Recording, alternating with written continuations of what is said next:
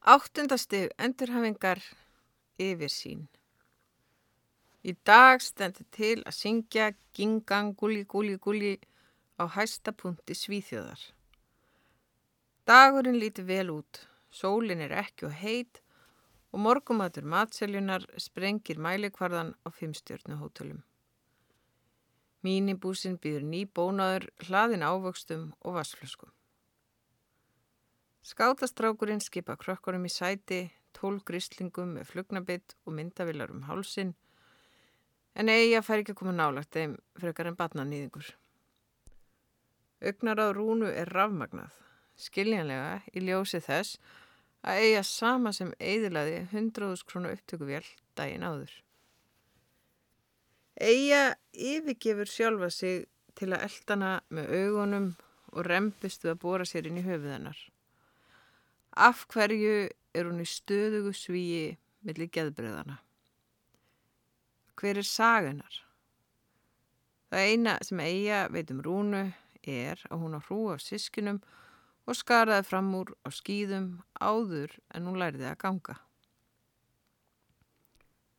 Hún gleymir vangaveltunum jafnóðum andstutt af stressi. Hún á nóg með allar hínasögurnar, hún treyniður marfaðan í sögum Laungu hægt að geta hugsa heila hugsun fyrir öllu fólkinu sem treðs hvertum annað í hausnum áni. Auðmingja rúna að hafa hana sem aðstóða konu. Upp! Ég geta ekki, stínur eiga, strönduð og plánuðu hinnar eilifu endutekningar einaferðin enn. Þú getur það víst, upp með þig, æpir rúna vægðarlaus. Eiga hrapar upp í heiminin. Timburturnin á hæstapunkti Svíþjóðar ringsnýstur augumennar. Hann riðar undan tól krökkum, skátastrák og skíðadrottningu. Ef hún klöngrast upp, tíu metra langan, brattan ringstiga, hlítur hann að brotna undan þungunum. Krakkarnir skríkja háðslega, öll þessi börn sem hefur virst með indæmi vinaleg fram að þessu.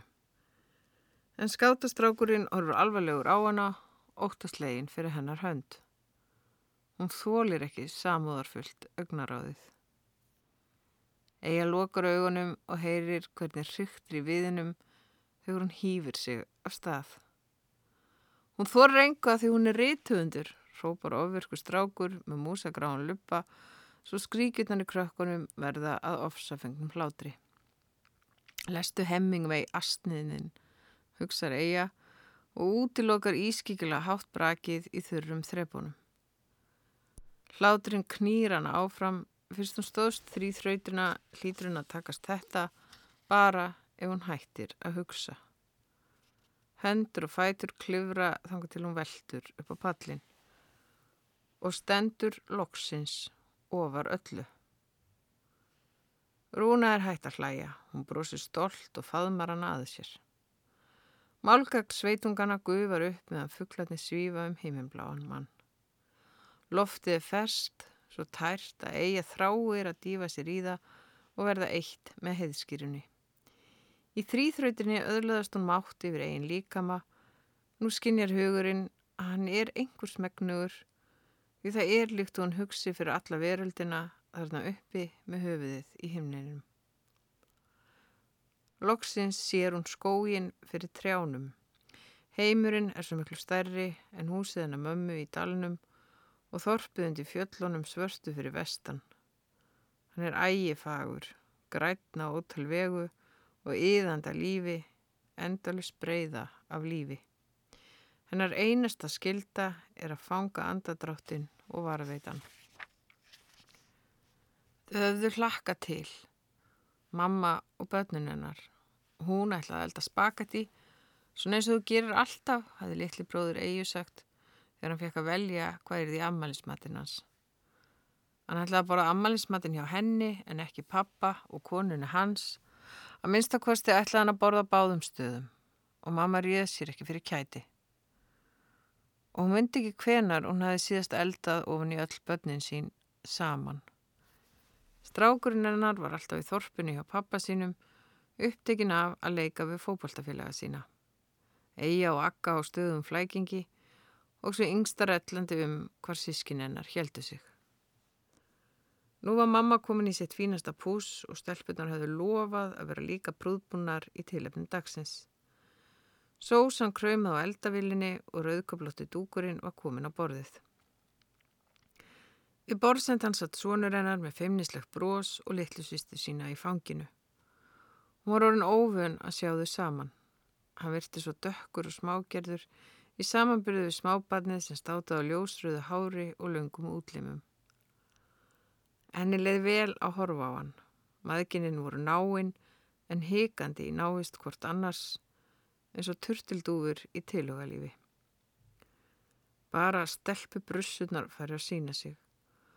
Hún fann að sonurum var stressaður, búin að taka tvær rútur, samtals 100 kilometra, spariklættur í jakkafötum sem hún hafi gefið honum í jólagjöf árið áður og nýburstuðum skóm. Hann var svo blíður og hæverskur að stundum verkið hana í hjartað. Eitthvað annað en eldri sýstur hans báðar með hortugan píkusvip eins og hann kallaði nexluna gretturnar á andlitum þeirra. Keðju reykjandi með feit raskutin í þröngum gallaböksum og kæft út á öllu sem engu. Það skildi eigan og fæti ef Hæ, stelpunna voru mættar. Eija tók sér strax stöðu við eldavelina, tilgerðarlega kærulaus þegar hún potaði sósuna en flýtti sér að kippa puttanum að sér þegar hún sá svipin á mömmu sinni. Hún mátti ekki gleima að þetta var hátíðastund þó að það færi í tögatan á henni hvernig mamma stúsaðist í kringum bróður þeirra líkt á að veri erðaprinsinn af fjarskanistan. En Akka gekk beinti bróður þeirra og faðmaðan. Þó að Akka væri svo kaltanast af sískinunum var hún samt hjartað í sískin á hópnum svo náum bróðu sínum að hann hafði ekki lært að tala fyrstu árin því hún þýtti allt fyrir hann. Yngsta sýstrin vafði sér samstendis utanum öggu, eigu til töluverðurar skaprunar og skapi skánaði ekki þegar mamma og Akka fór að skiptast á bröndurum sem enginn skildi nema þær tvær en öllum fannst fyndnir nema henni. Ætla einhver þarna að láta svo lítið að heilsa. Hún kveikti í síkaretu og horfið snakill í kringu sig. Stundur nægði að stíga þarna inn til að komast í vondskap. Hvað var aðinni? Spaket í sósan ilmaði og hundurinn fladraði allavega upp um hana og bróður hennar var komin allavega þess að leið og það heyrðist þrusk. Er hann upp á lofti? spurði Eija snögt. Mamma sökti andlitinu ofan í pottana og hærði í sósunni, kvekti í síkaretu. Eija ítrekkaði spurninguna og starði á hana. Ég veit það ekki, andvarpaði mamma og leitt byggðið á hana. Þú lofaðir að hann er ekki heima. Ég get ekki ráðið ferðum hans. Þú ekki heldur. Eigi heyrði yngstu sýstu sína bresta í gráð þegar hún skellti útöyturahurðina á eftir sér og ætti einaferðina enn út í desembermirkrið með hundin og hælónum. Ef kvöldi var ónýtt þá var það mömmu að kenna. Hún arkaði áfram beint af augum. Yfirsýnin einskorðaðist við upplýstan þjóðvegin þegar hún hljóp að heiman. Nú orðið nánast í hvert skipti sem hún stegið þanga fæti, svo vegurum var sífælt þrengri og lengra á milli göduljósana, leiði mynd á ljósklufu í svörtu röru. Það hlakkaði henni að hafa sært mömmu. Ammaliðsbúðið hafði ekki farið eins og það átti að fara. En hver var snillingur í að láta hlutin að fara á kvolf? Hvað með allir jólabóðin og ferðalögin, alla dagana sem átt að verða góðir en umbreytust í martröð. Og eiga þrammaði áfram, lengra og lengra inn í upplýst rörið. Himinin svartur, jörðin hvít eins og alltaf. Flótti. Trín þrengjaðinni, eftir að hún öðlaðast yfir sín dreymir hana þau á nætunar. Svargrænir vekkir færast nær og minna á djúpsjávarhelli sem er í þann mund að hrinja saman. Vestfyrsku fjöllin er eins og steinvölur í samanbyrðu við öll þessi tré. Hún þráir að sprengja þau utan á sér. Það kvarlar aðeins að ringja í veðufræðingin. Hún veit bara ekki hvað hún á að segja við hann. Eða veit hún ekki einu sinni hvort hann langar að tala við hann. Hún finnur ímist til viðbjóðs og sjálfur sér fyrir að hafa sofi hjá hennum eða berstu löngunina að laumast í síman og pikku númerið á nafnspjaldinu. En okkur ringir hún ekki garran fyrst hún ætlar að ringi einhvern á annað borð. Hún veit að ekki, svo hún platar skátastrákinn til að stækja fleiri sigupúða með sér og þau syngja íslenska slagara þangar til rúnar ykkur þau í háttinn. Látt hann í friði, hvæsir hún í eirað og eigu. Þetta er bara batn. Samt með bílpróf, hugsa Eija, steinhætt að kippa sér upp um smái í skapvonsku. Hún þekkir orðið munin á skíðadrottningunni í rassaköstum og hamförum. Morgunin eftir fyrir slikum hamförum að Eija hefur vit á að forða sér. Óbyð sprengir kyrðina. Helvítis skandinavar! Krakkarnir láta sér ekki bregða, önnum kapnir að leika. Hver stál kukunni úr krúsinni í gær? Skátastrákurinn leiðir hrópin hjá sér en eiga stekkur á fætur. Hún sér hvort brefberinn silast út veginn og gamli hjóli og íþingjandi grunur læðist að henni. Þessi þægilegi maður hefur borið óþægilegar fréttir í hús. Vanalega sætir hann færi að þerra svitan af enninu.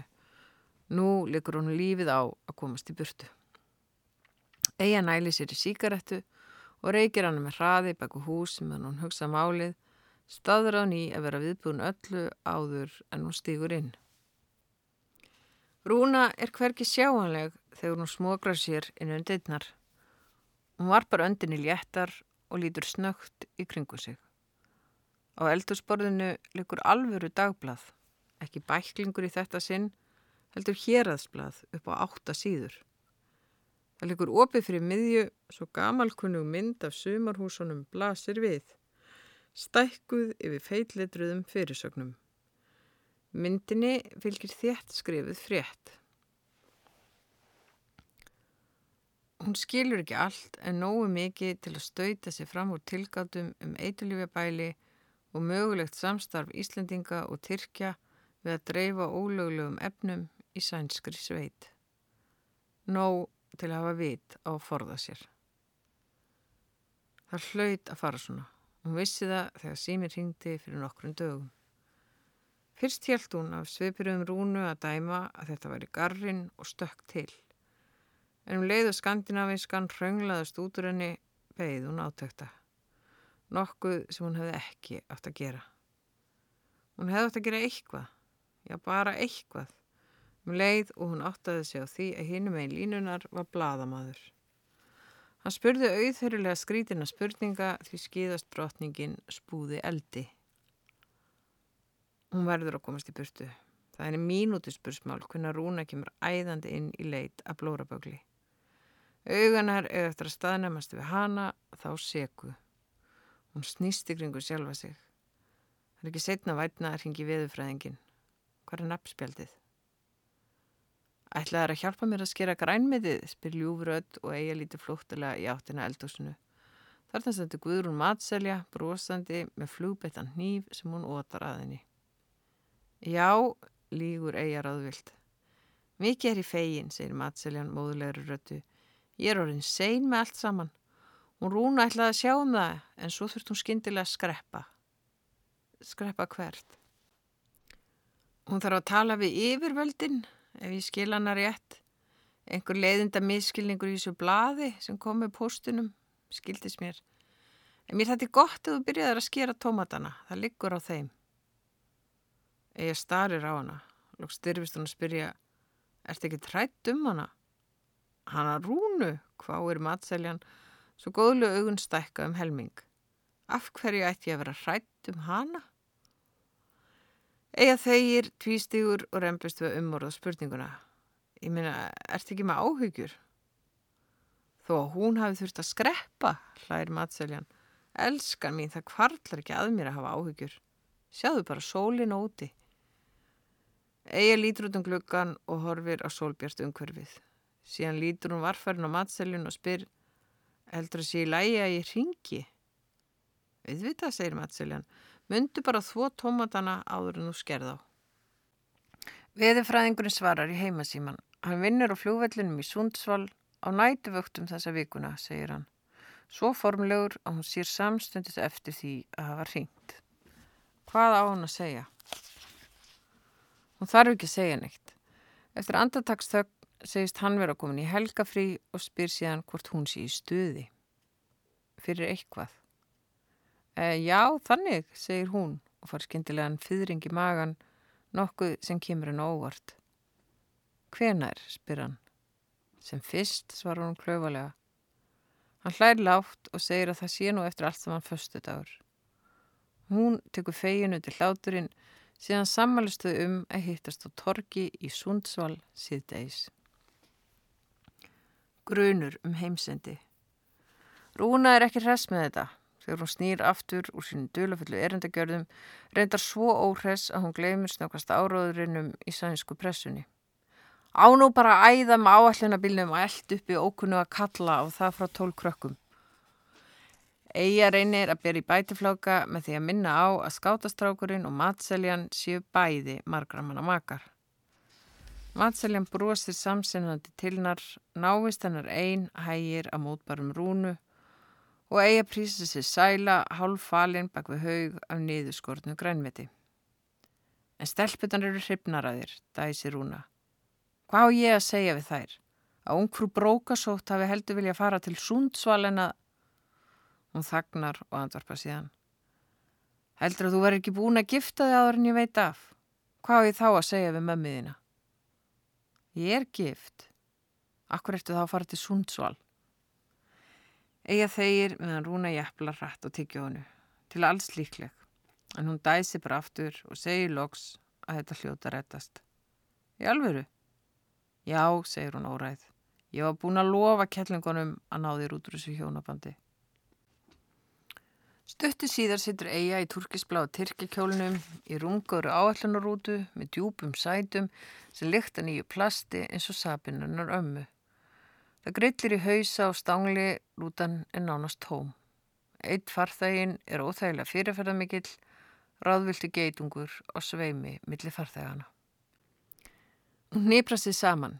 Ef það er eitthvað sem hún óttast meira í íslenskri náttúru en vilta íspyrni, þá eru það geitungar. Hann færi sér nær, suðar og sest á rúðuna hjá henni. Eða starir á hann frosinn í sumarhittanum en minni svo eldröna síðustu daga og hallar sér upp á rúðunni. Skóarnir líða framhjá eins og endalust limgerði um leið og hún byrjar að laka til.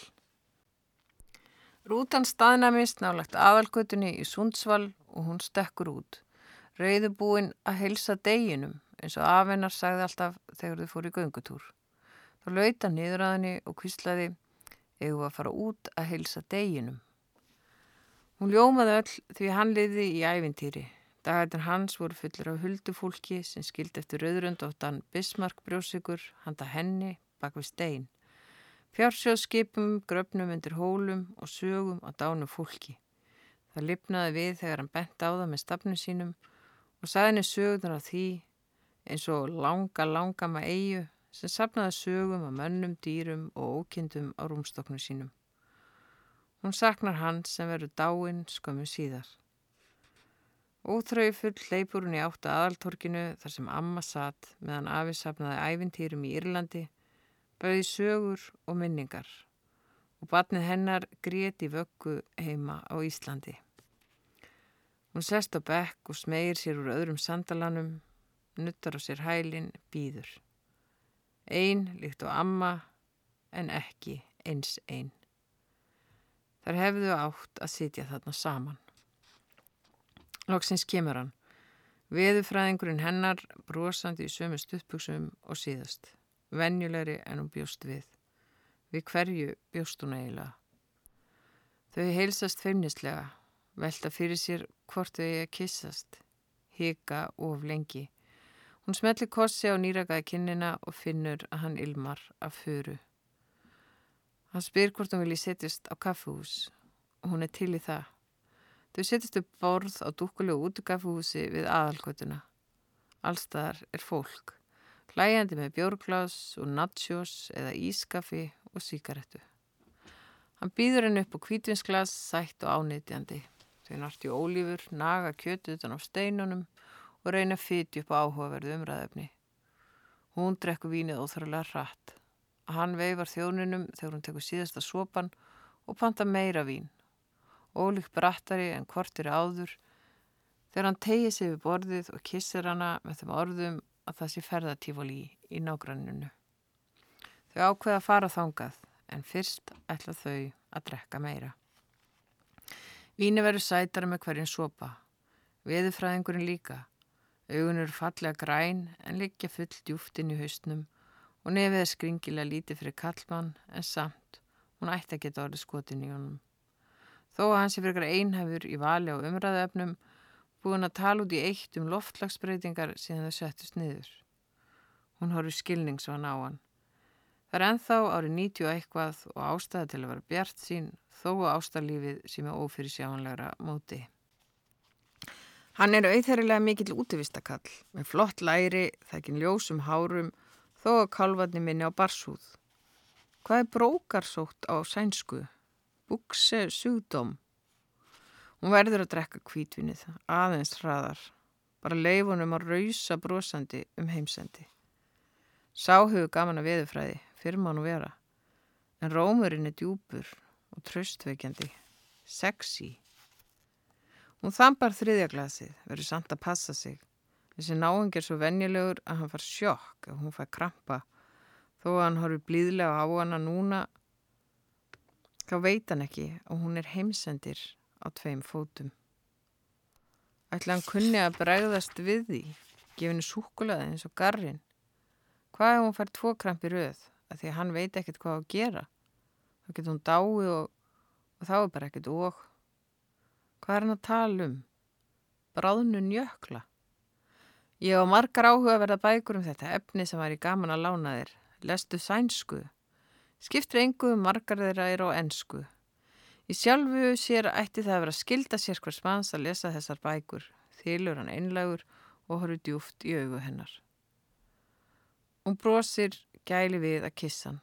Sá ætti að skella sér til Íslands og upplifa snjóin og einn Ætti hún að segja honum frá snjóflóðinu? Mikið brosir hann sætt. Anna glas? Já, af hverju ekki? Þegar hún er á annar borð búin að hitta sinn Fernando.